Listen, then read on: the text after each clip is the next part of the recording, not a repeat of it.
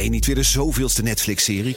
Kom naar de Monday Moves van BNR. Op maandag 18 maart zal op het podium Arend-Jan Boekenstein, Michal van der Toren, Geert-Jan Haan en Bernard Hammelburg. Ze hebben het over geopolitiek. Het is oorlog. Moeten we vechten, vluchten of bevriezen? Onder leiding van mij, Art Rooijakkers. 18 maart dus in het De La Theater in Amsterdam. Check bnr.nl slash mondaymoves.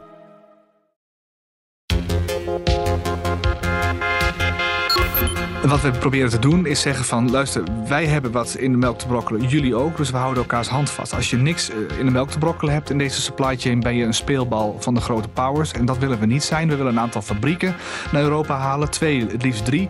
Ehm, we willen ook investeren in research en development. En het derde wat we willen doen is crisis, zoals chipstekorten voorkomen. Door te zeggen, we gaan ook kijken hoe we bedrijven uh, daarin kunnen ondersteunen.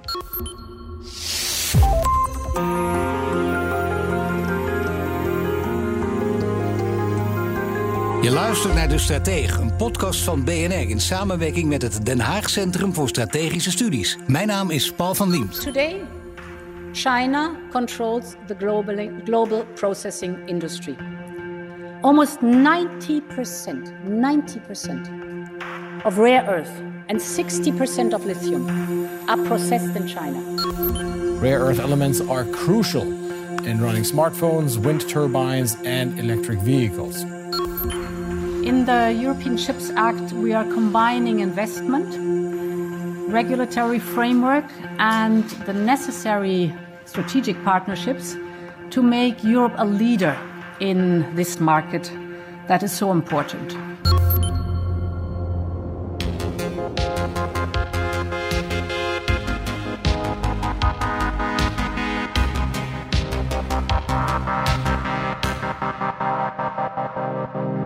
Halfgeleiders en kritische grondstoffen worden ook wel de olie van de 21e eeuw genoemd. Het Westen blinkt uit in halfgeleiders.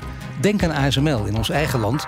Maar veel metalen die we daarvoor nodig hebben komen uit landen waar we steeds slechtere relaties mee onderhouden. Maar ook hebben we onszelf afhankelijk gemaakt van landen zoals China. Dat zorgt ervoor dat we niet meer zo autonoom en zelfvoorzienend zijn als we eigenlijk willen zijn. En dus komt Europa in actie. Maar hoe kun je ervoor zorgen dat je de regie weer wat meer in eigen hand houdt? Dat en meer bespreek ik in deze aflevering van de Stratege met mijn twee gasten. Joris Steer, strategisch analist bij het Den Haag Centrum voor Strategische Studies. En Bart Groothuis, Europarlementariër voor de VVD namens de fractie Renew Europe. I recognize, though, given the situation, I cannot deliver the mandate on which I was elected by the Conservative Party. I have therefore spoken to His Majesty the King to notify him that I am resigning as leader of the Conservative Party. De Britse premier Truss zag zich genoodzaakt om na zes weken alweer af te treden. Eerder moest ze al haar belastingplannen al terugdraaien. Heren, hebben jullie ooit zo'n premier gezien? Joris? Nou, het, uh, het is wel een knap staaltje wat ze gepresteerd heeft. En vooral omdat er enorme verwachtingen zijn gewekt natuurlijk met Global Britain... en dat post-Brexit het allemaal beter zou gaan. Uh, dus dat dan het tegenovergestelde gebeurt is wel heel erg pijnlijk. En dan Europarlementariër, normaal is meneer Groothuis, maar nu voor deze gelegenheid Bart, want het is ook Joris. Uh, Bart, ooit zo'n politicus gezien? Um, in Afrika wel, maar nu zijn ze gelukkig helemaal zelfstandig autonoom om te kiezen wie ze willen kiezen. En ze zijn nu beter af buiten de EU, denken ze. En dat gaan we nu zien. Maar ook partijgenoot Rutte heeft volgens mij nog nooit zo'n draai hoeven maken, of wel? Nee, natuurlijk niet. Dit is gewoon niet, niet, niet, niet oké. Hoe ze het doen, uh, het is aan de Britten zelf om, om daar een oplossing voor te verzinnen. Maar de financiële markten zijn onverbiddelijk. Dat hebben we in Europa ook gezien. En de Bank of England moet ingrijpen. En dat betekent dat je het als politicus echt niet goed doet. En dat betekent dus ook dat je wel zelfstandig autonoom dat mag, mag kiezen. Maar als je het fouten kiest, is het volk er niet beter bij af. The processing of these metals is just as critical. And today China controls the global, global processing industry. Almost 90%, 90% of rare earth and 60% of lithium are processed in China. Ja, dat was de Europese Commissievoorzitter Ursula von der Leyen tijdens haar State of the Union van vorige maand. Joris, je hebt voor HCSS onderzoek gedaan samen met uh, Mattia Bertolini naar onze afhankelijkheid op dit gebied. Met als titel bijna onherspellende titel Reaching Breaking Point. Breaking Point. Is het echt zo ernstig? Reaching Breaking Point? Um, nog niet, maar we zijn wel heel benieuwd hoe dit zich de komende tien jaar uh, gaat ontwikkelen. En het is eigenlijk, die titel is ontleend aan een casus die we recent gezien hebben, waar we nu eindelijk een breekpunt bereikt hebben. En een breekpunt hierin bedoeld bedoelen we mee dat de spanningen tussen landen zo groot worden, vooral militair-strategische spanningen, dat die landen niet meer bereid zijn elkaar de fundamentele economische middelen te leveren waarvan de economie uh, afhankelijk is. En dan bedoel ik natuurlijk de casus aardgas in Rusland. Vielen Oekraïne beelden, wij stelden sancties in. En um, nou ja, vervolgens uh, ging de gaskraan dicht. Wat natuurlijk heel snel de vraag doet oprijzen: God, we hebben eigenlijk 15 jaar lang een achteruitgaande relatie met Rusland gezien. Alsnog vonden we het als Europeanen acceptabel om bijna een gasafhankelijkheid van 40% te laten bestaan. Um, dus dan rijst de vraag op, ja, wat zijn de volgende breekpunten? Wat voor vooruitkijkend onderzoek kunnen we ernaar doen? Om te kijken of je die breekpunten gaat vinden. En wij denken persoonlijk dat we er met de kritieke grondstoffen Um, zowel voor halfgeleiders, maar ook van alles tot en met de energietransitie en de defensieproductie, er wel degelijk één gevonden hebben die echt heel moeilijk gaat worden de komende jaren. En dat is? Uh, dat, uh, alles eigenlijk omtrent de kritieke grondstoffen. Dus nu loop ik een klein beetje vooruit er al op. Maar als je gewoon puur naar iets simpels kijkt als de schaarste die er al is, die prijzen voor kobalt en palladium en dat soort zaken ja. enorm op doet komen. Nou, leg daar bovenop bijvoorbeeld de energietransitie, waardoor ramingen zijn dat we per jaar ongeveer 6% meer vraag daarna krijgen wereldwijd. Nou, dat is maar schaars op weinig plekken te vinden. Bijvoorbeeld in de Congo en dan vervolgens, zoals von der Leyen ook zei, geraffineerd en dan verwerkt, opgewerkt in China verder. Um, ja, die schaarste neemt toe en tegelijkertijd uh, worden de spanningen tussen de grootmachten steeds heftiger. Ja, dus dit ehm, is, dus, als, ik, als, ik, het mag samenvatten, ja. eigenlijk een, een, wereld die gaat over, over. Eh, het ene deel heeft macht over de halfgeleiders, het andere deel heeft macht over de grondstoffen, even voor het gemak zo neergezet. En dat ja. heeft inderdaad invloed op alles. Op de energietransitie, op defensie, op, op uh, medische systemen. Dus het is een waanzinnig belangrijk onderwerp. Maar als je die macht wil verdelen, waar zit dan de macht over de halfgeleiders en waar zit de macht over de grondstoffen? Ja, nou ja, de halfgeleiderketen is interessant omdat die eigenlijk gedomineerd wordt door wat wij noemen de technologisch geavanceerde democratieën van de wereld. Dus als je wil weten hoe je een halfgeleider nou zo effectief mogelijk ontwerpt en daar uh, nou ja, steeds kleinere ontwerpen in maakt die steeds krachtiger zijn, dan moet je eigenlijk in de Verenigde Staten zijn bij bedrijven als Qualcomm en Broadcom. Nou ja, die zijn wel weer helemaal afhankelijk van allerlei software en intellectueel eigendom dat dan weer of uit de Verenigde Staten of uit Europa komt. Kijk je naar de fabrikage ervan, nou ja, dan kennen we grotendeels allemaal het verhaal uh, van Taiwan Semiconductor Manufacturing Corporation, waar ongeveer 92% van de meest geavanceerde halfgeleiders worden gemaakt in veruit de grootste mate op Taiwan zelf. Uh, nou ja, dat is eigenlijk de, wat we dan noemen de main supply chain. Maar ja, wat voor machines heb je nodig om vervolgens in die fabriek in Taiwan te gebruiken om die halfgeleiders te maken? Nou ja, dan kom je terug bij het Veldhovense ASML. En daar ja, produceren wij weer de enige machine die het voor de Taiwanese mogelijk maakt om al die super geavanceerde chips te maken. Ja. en die chips gaan echt in alles. Die gaan in straaljagers, die gaan ook in zonnepanelen, die gaan in uh, vele applicaties in auto's. En de hoeveelheid chips die bijvoorbeeld ook nodig zijn in een auto, we willen er nu allemaal een soort computer in hebben die je de weg kan helpen wijzen. Um, die neemt ook enorm toe. Ja, dan kun je zeggen dat op dit moment natuurlijk, dat is wel het, het interessante van dit verhaal ook. Uh, eh, ASML, er wordt uh, enorm naar gekeken door China, door Amerika, door Europa. Maar je kunt ook zeggen, er is een zeker evenwicht. Hè? Als je tenminste met, met misschien enige naïeve ogen naar kijkt. China heeft uh, onze halfgeleiders nodig. Wij hebben hun grondstoffen nodig. Houden we elkaar er niet prachtig in balans? Ja, nou ja, dat is wel de titel die we ook voor het eerste hoofdstuk hebben gekozen. Maar ja. we, we, we voegen daar wel aan toe dat de balans bijzonder fragiel is. Dus we noemen het een fragiele balans. En het klopt inderdaad als je naar een paar belangrijke producten voor halfgeleiders kijkt. Gallium, germanium, zeldzame aardmetalen die ook von der Leyen net noemde. Die worden voor een groot deel gedolven, opgewerkt en vervolgens verwerkt in China. Dus daar hebben we een enorme afhankelijkheid van. Maar ook kobalt, wat voor een groot deel 70% uit de Congo komt... wordt dan weer voor 70% door Chinese partijen uit de grond gehaald... en vervolgens verscheept naar China om daar geraffineerd te worden. Dus nou ja, denk aan de iPhone... Kobalt komt uit de Congo, wordt opgewerkt in China, wordt vervolgens verwerkt in Taiwan richting een chip. En die chip wordt dan vervolgens in China weer in een half miljoen iPhones per dag gezet. Dus je zou kunnen zeggen, die fragiele balans, die is er. Uh, maar de vraag is eigenlijk, blijft die stabiel? Want ik denk dat als we vorig jaar of het jaar daarvoor gevraagd hadden... gaat Rusland in godsnaam ooit zelf de gasbanden die het heeft met Europa doorsnijden. Ook al is het zo dat Rusland eigenlijk voor een groot deel zijn geld verdient. In eerste in plaats met olie, maar ook met gas en met een aantal landbouwproducten. Gaan ze dat aandurven? En het is toch gebeurd. Nou ja, en een tweede reden waarom wij denken dat die fragiele balans nou ja, ook nog wel eens goed verstoord zou kunnen worden, is dat de Amerikanen er momenteel, zeker sinds niet afgelopen weekend, maar het weekend ervoor, echt met gestrekt been ingaan en ook expliciet zeggen: wij zijn erop uit om de Chinese halfgeleiderindustrie op een zo groot mogelijke afstand te zeggen. Nou ja, dus kortom, aan die ene kant van de fragiele balans, namelijk de chipkant, waar de technologisch geavanceerde democratieën leidend in zijn, wordt nu, um, ja, die wordt nu wel gewapeniseerd al. En de, de vraag is nu, hoe gaan zij de komende tien jaar en dat, daarmee bedoel ik dan China en Rusland, met hun troefkaart om. Ja, die vraag willen we zo meteen beantwoord hebben. Maar eerst natuurlijk nog een andere vraag. Namelijk, uh, kunnen we niet met enig schuldbesef ook zeggen dat we er zelf enigszins naar gemaakt hebben... door de industrie te verplaatsen naar de lage lonenlanden? Ja, um, ja, in zekere zin wel. Het is, in zekere zin is het een luxe probleem. Um, bijvoorbeeld in de jaren tachtig en daarvoor was de Verenigde Staten was zelf nog gewoon kampioen in de zeldzame aardmetalen.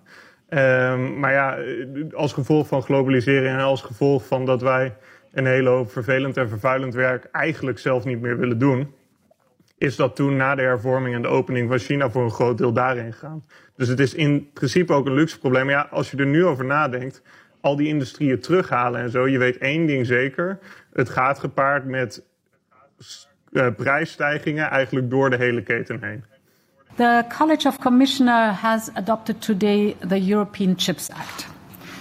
In the European Chips Act, we are combining investment, regulatory framework, and the necessary strategic partnerships to make Europe a leader in this market That is so important. Ja, Ursula van der Leyen weer, een belangrijke uh, speler ook in deze uitzending. Uh, dat geldt ook voor Bart Groothuis. En ik zal vertellen waarom uh, Bart deze keer bij ons is. De EU wil meer autonomie op dit gebied, is daarom bezig met het lanceren van de European Chip Act.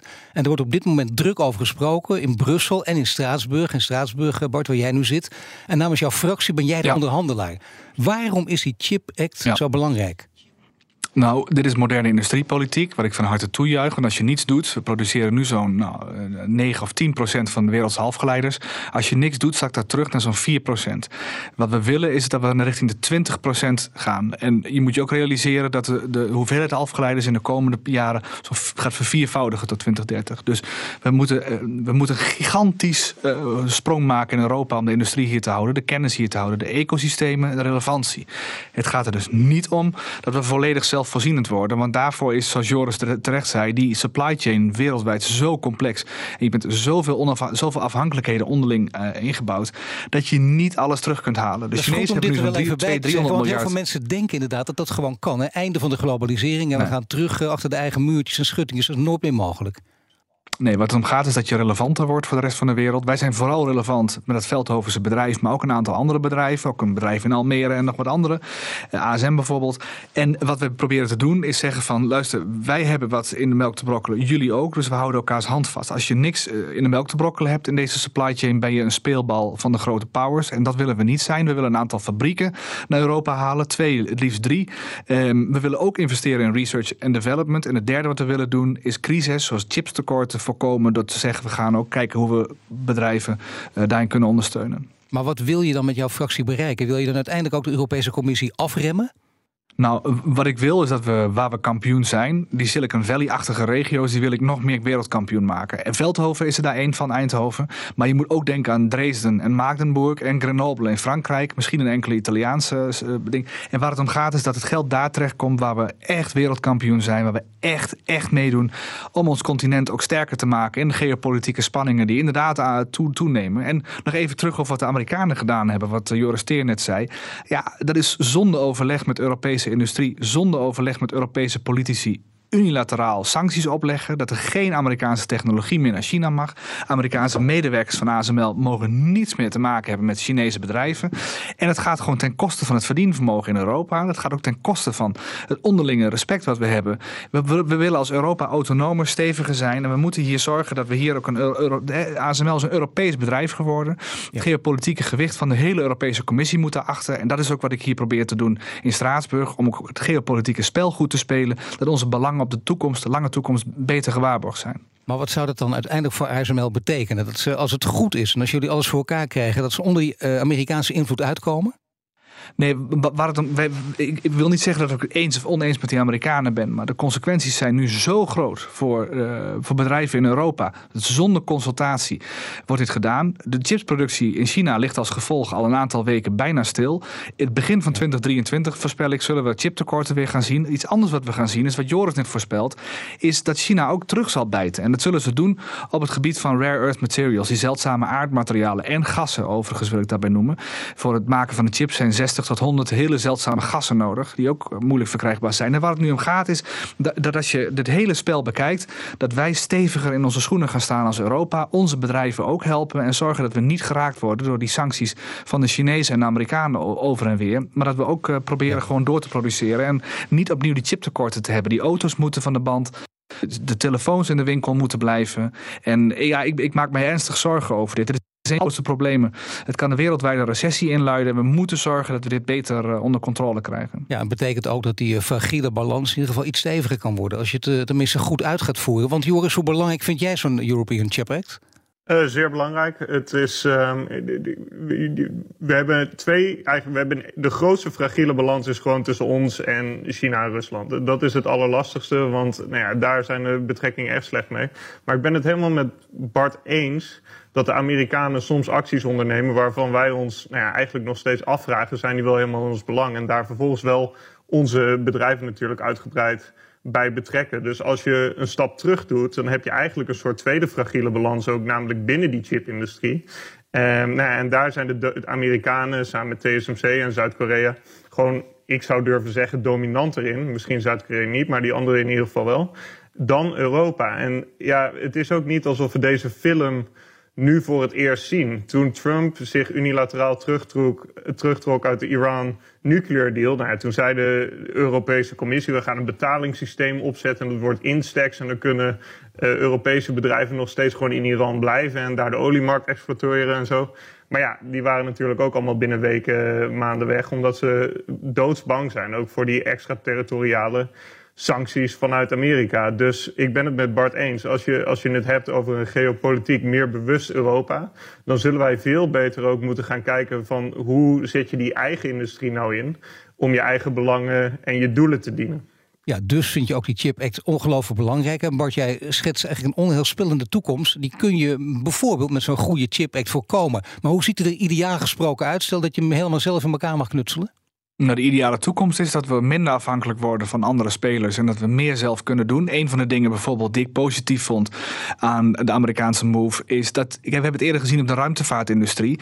Um, toen hebben de Amerikanen twintig jaar geleden gezegd we willen niet langer dat Amerikaanse technologie naar het Midden-Oosten gaat. En toen hebben heel veel ruimtevaartbedrijven in Europa eigenlijk de afgelopen twintig jaar heel veel zelf geïnvesteerd in eigen technologie. Als ik op werkbezoek ga bij Space Industrie, en dat doe ik nogal geregeld, dan zie je dat dat vroeger volledig afhankelijk waren van Amerikaanse uh, en dat ze het allemaal zelf hebben gemaakt. En dat is denk ik de richting ook die we ingaan, richting die chiptechnologie. De Amerikanen gaan hier denk ik te lomp te werk. Waardoor we gewoon eh, zullen zien dat Europa nu echt helemaal ontwaakt. En zoveel mogelijk zelf zal willen produceren. Dat gaat niet helemaal lukken. Maar het is wel zo dat je krijgt een, een die liberale democratieën. Die zullen veel meer hun, hand gaan vasthouden.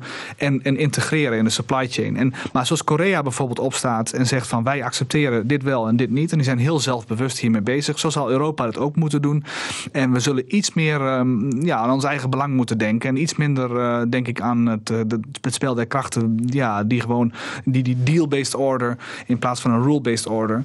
Dat die deal-based order dus steeds meer met zich meebrengt. Maar dat betekent naast de European Chip Act ook heel goed op de internationale relaties uh, letten. Kijken landen waar wat moeilijker mee omgaan. Ja, om het zo maar uit te drukken. Om, dat, om ja, diplomatie op andere manieren dat, te kijken of we daar wat kunnen doen. Maar dat betekent ook, als je het, het oude spel speelt van dominee en koopman. Minder dominee, meer koopman. Ja, en in elke diplomatieke relatie die je hebt als Europese Unie, maar ook als afzonderlijke lidstaten, zal je over die grondstoffen moeten nadenken. Dus dat betekent dat je niet meer naar Bolivia gaat van, oh, dat is een uh, land met wie we een ontwikkelingssamenwerkingsrelatie hebben. Nee, het belangrijkste zijn die grondstoffen. En dat geldt uh, voor heel veel Afrikaanse landen in de Global South überhaupt. Daar zitten heel veel grondstoffen en daar zullen we veel meer ja, integraal naar moeten kijken. En wat mijn ervaring is in Brussel, is dat er heel veel gekeken wordt naar mensenrechten en de dominee inderdaad. Maar ik denk dat we ook moeten kijken naar die harde kant. En als we dat niet lukt, eh, ja, dan hebben we echt een probleem straks. Ja, dus inderdaad, als je over mensenrechten praat, ook meteen de gevolgen daarvan bekijkt. Als je daar eenzijdig naar zou kijken. Maar mag ik er dan toch één aansprekend voorbeeld uitpakken met uh, over een paar weken de start van een WK voetbal in Qatar? Ja, land heel belangrijk nu voor ons. Uh, we willen niet naar het WK. Er zijn ook flinke discussies over. Hoe moet je tegen dat land, land aankijken? Want dat kun je natuurlijk ook weer niet nou, zomaar loslaten in deze theorie. Nee, maar als wij continu uh, gaan zeggen van het mag niet, want Qatar uh, bevalt ons niet wat ze doen met mensenrechten, dan zegt Qatar oké, dan leveren we geen gas meer aan jullie en dan hebben we vervolgens een ander probleem. En je, kunt, je moet op een gegeven moment de trade-off gaan zien tussen het een en het ander. Verwacht een zeker volwassenheidsniveau van politici en daarvoor denk ik dat moeten we veel meer, ook in het Nederlands, maar zeker in Europa, veel meer een volwassen debat gaan, gaan, gaan, gaan hebben. En dat, dat doen we ook. We komen met een Raw Materials Act, um, die gekoppeld is aan die Chips Act. Dat betekent dus dat we gewoon diplomatie, maar ook de andere drukmiddelen, maar ook carrot en stick, ook zachtere leningen, vriendelijke diplomatieke relaties, handelsovereenkomsten uh, en et cetera, investeringsverdragen kunnen doen.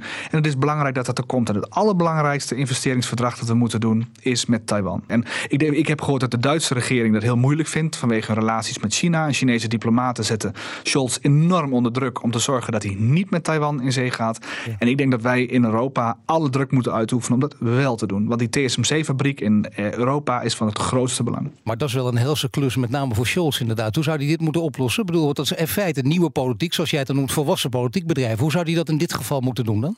Wat is zijn boodschap met andere woorden voor China? De grootste handelspartner naar wie die 96 miljard per jaar exporteert, die zal die moeten trotseren en zeggen van wij hebben ook relaties met Taiwan en wij zullen dat op een nette manier doen. Het One China policy onderschrijven we, maar we gaan hier autonoom in te werk. Brussel uh, dwingt dat af.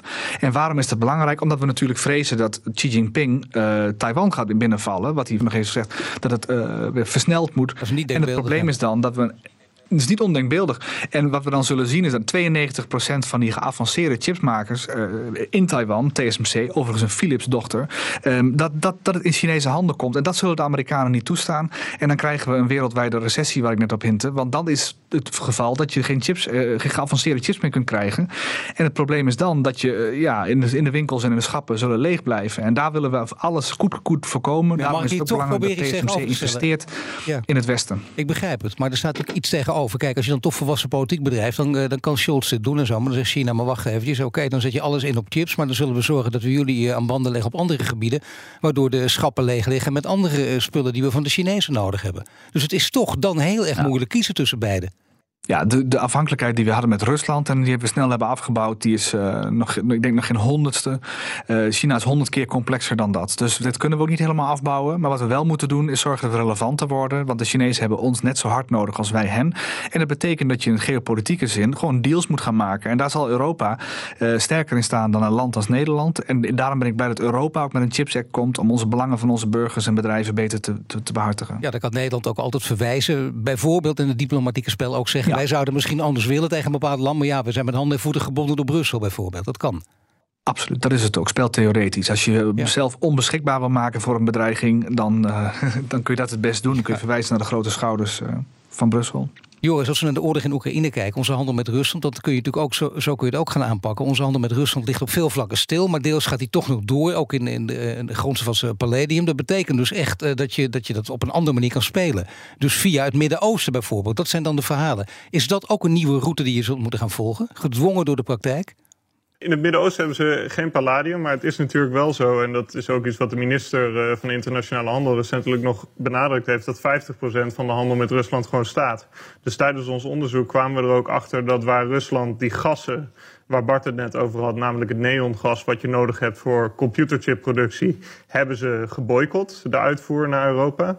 Maar op een of andere manier het palladium, wat we nodig hebben voor de chipproductie, maar ook bijvoorbeeld om uh, auto's te bouwen, komt nog steeds ja, komt kom nog steeds uh, naar Europa toe. Het enige verschil is dat wij geen Russische vliegtuigen waarin dat dure spul zit meer rechtstreeks accepteren. Dus die komen nu via Doha en Istanbul. Dus ja, kortom, een deel van de handel is er nog wel. Maar ik denk dat Bart een heel goed punt maakt over alternatieven. Kijk, um, we zitten met Qatar, Saudi-Arabië en de Democratische Republiek Congo, waar het kobalt vandaan komt, eigenlijk in, in één pakket. Namelijk, het zijn niet de like-minded countries. Het zijn de, ja, laten we het maar heel bot noemen, landen met grote mensenrechten schendingen, maar degene die niet onze rivalen zijn. Dus je hebt eigenlijk drie, als je het heel grof neerzet, heb je een soort van drie groepen.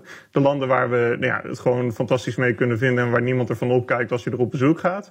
De landen waar we een hoop uh, ideologische verschillen hebben, maar die je wel nodig hebt. En eigenlijk onze rivalen met Rusland voorop, die een bedreiging met zich meedrenken. Nou ja, Biden heeft net bij Saoedi-Arabië ondervonden dat als je één zo'n belangrijk land, namelijk uh, Saudi-Arabië met zijn grote olieproductie zo hard voor het blok zet in de campagne, dan moet je dan vervolgens als president een enorme strategische switch gaan maken. Daar toch heen vragen of ze alsjeblieft de olieproductie op kunnen voeren. En dat doen ze dan vervolgens niet. Nou, kijk je in naar de kritische grondstoffencasus. Kijk naar wat men nodig heeft voor de semiconductorproductie. Dan is de Congo ook zo'n voorbeeld. Het feit dat ongeveer 70% van de mijnbouw daar nu in handen is van Chinese partijen. En een groot ander deel van een Amerikaanse partij, namelijk Glencore. Um, ja, Europese leiders moeten zich wel achter de oren gaan krabben als we die energietransitie willen en die elektrische batterijen met de kobalt erin en de kobalt voor de kritieke grondstoffen en 70% van die kobalt komt uit de Congo. Wat is onze strategie dan daar om een humane actieve en iets wat ook de ontwikkeling in de Congo zelf bevordert om een alternatief te bieden voor die Chinese en Amerikaanse partijen. De Amerikanen zijn er heel geopolitiek in. Uh, op, op, Bidens uh, democratie tegen autocratie feestje mocht de Democratische Republiek hm. Congo gewoon komen. En nou ja, daadwerkelijk het enige democratische aan dat land is de naam. Ja, dus uh, heren, als ik jullie goed begrijp, dan is in ieder geval één, één ding duidelijk. Waar jullie het volledig over eens zijn. volwassen politiek betekent mensenrechten geen prioriteit geven. Nou, of nou, dat is het niet, um, nadenken, nadenken over. Je moet nadenken over hoe je mensenrechten um, niet zozeer heel principieel alleen maar met je armen over elkaar over de, aan de zijkant zit. Terwijl andere mensen wel ergens zijn en nou, die vruchten van die economische belangen plukken. Je moet nadenken over hoe je dit soort handel wel degelijk in kan zetten om daar lokaal ook betere omstandigheden te bieden. Dus nou ja, een voorbeeld. Mijnbouw levert niet eens zo heel veel op voor die lokale partijen. Wat je bijvoorbeeld over kan nadenken, is of je de downstream-industrie, dus in dit geval die chip-industrie of de batterijindustrie of de defensie-industrie of wat dan ook, veel meer niet open zou kunnen stellen, zodat die lokale partijen daar ook nou ja, mee kunnen verdienen, dan een betere deal krijgen in de landen zelf. Nu speelt er wel iets mee, namelijk tempo. Dat, heeft het, dat, dat zien we op alle gebieden, waar het ook over gaat nu. En, en in, in die tijd leven we nu ook. Dus Bart, als het gaat over de European Chip Act... die moet er eerst zo snel mogelijk komen. En wanneer is de stemming? Nou, eh, het bedrijf Intel, vroeger bekend van uw eh, computer, tegenwoordig minder relevant omdat ze niet geloofden in EUV-techniek van ASML. Want die geweldige machines van ASML geloofden ze niet in dat het zou lukken. Dus die hebben een verkeerde afslag genomen. Maar Intel gelooft nu wel in ASML en ook in de toekomstige machines. En die willen nu in Europa gaan investeren en ook tientallen miljarden. En die willen dat heel snel doen. En dat betekent samen met TSMC en nog een Global Foundries, nog een andere investor, die hebben snel duidelijkheid nodig. Ze zijn nu bezig met amendementen, hebben we afgelopen week ingediend in, op de act. We gaan nu onderhandelen volgende week, uh, de weken erop. En ik denk dat we in januari, februari op tot stemming kunnen overgaan in Straatsburg. En uh, zodat er ook snel duidelijkheid is over waar die bedrijven aan toe zijn op het moment dat ze besluiten te investeren. En investeren in Europa is een goed idee.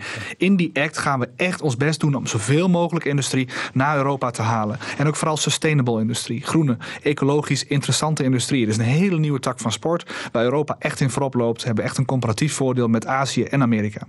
Maar stemming dus eh, begin volgend jaar. Dat is behoorlijk snel, maar toch nog tijd genoeg eh, voor een advies. Eh, welk advies, Joris, zou jij aan Bart willen geven als het gaat over die Chip Act? Over de Chip Act zelf. Nou, misschien mag ik een beetje een creatief advies erom, eromheen doen, wat iets meer op Nederland gebaseerd is. Kijk, een van de dingen als je het, de, de statement ziet van vooral ASML, maar ook andere chipbedrijven. Um, hier is dat een knelpunt voor hun is gewoon internationaal talent. Um, dat is waarom ze niet nog meer machines kunnen maken dan ze zouden willen maken. En die concurrentie is moordend. Want je concurreert met Japan, Zuid-Korea, uh, Taiwan, Verenigde Staten. Ja, allemaal plekken waar het ontzettend plezierig is om te, in te wonen. En een van de grote behoeftes is gewoon veel dichter bij huis. Het gaat namelijk om grootschalige woningbouw in Brainport Eindhoven. Maar ook financiële prikkels. Bijvoorbeeld als het in stand houden van de 30%-regeling voor expats. Dat ze hier nou, met redelijke financiële voordelen aan het werk kunnen. Dus waar ik ook eigenlijk een groot knelpunt zie, is juist daar en juist in Nederland, omdat die woningbouw ook zo langzaam gaat. Ja, kun je iets met dit uh, advies, dit knelpuntverhaal, uh, Bart?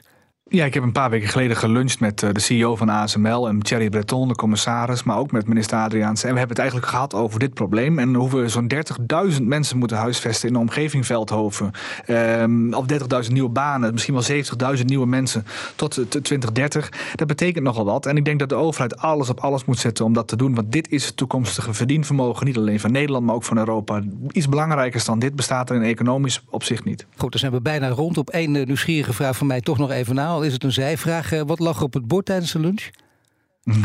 Weer vergeten. nou, de Universiteit Eindhoven was het. het was, ze kunnen daar goed koken hoor. Iets met rode biet herinner ik me, maar het was lekker. Okay. En geen wijn, want we moesten scherp zijn. Goed zo, hartelijk dank. Bart Groothuis, Europarlementariër voor de VVD namens de fractie Renew Europe en Joris Steer, strategisch analist bij Den Haag Centrum voor Strategische Studies.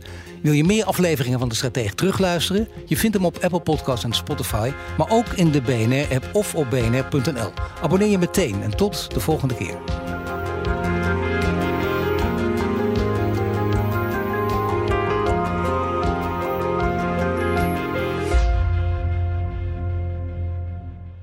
Verdienen jouw medewerkers de beste HR-service? Wij vinden van wel. Numbers combineert payroll met slimme HR-features. Bespaar kosten en geef medewerkers eenvoudig toegang tot verlof, declaraties en loonstroken. Probeer Numbers op nmbrs.nl.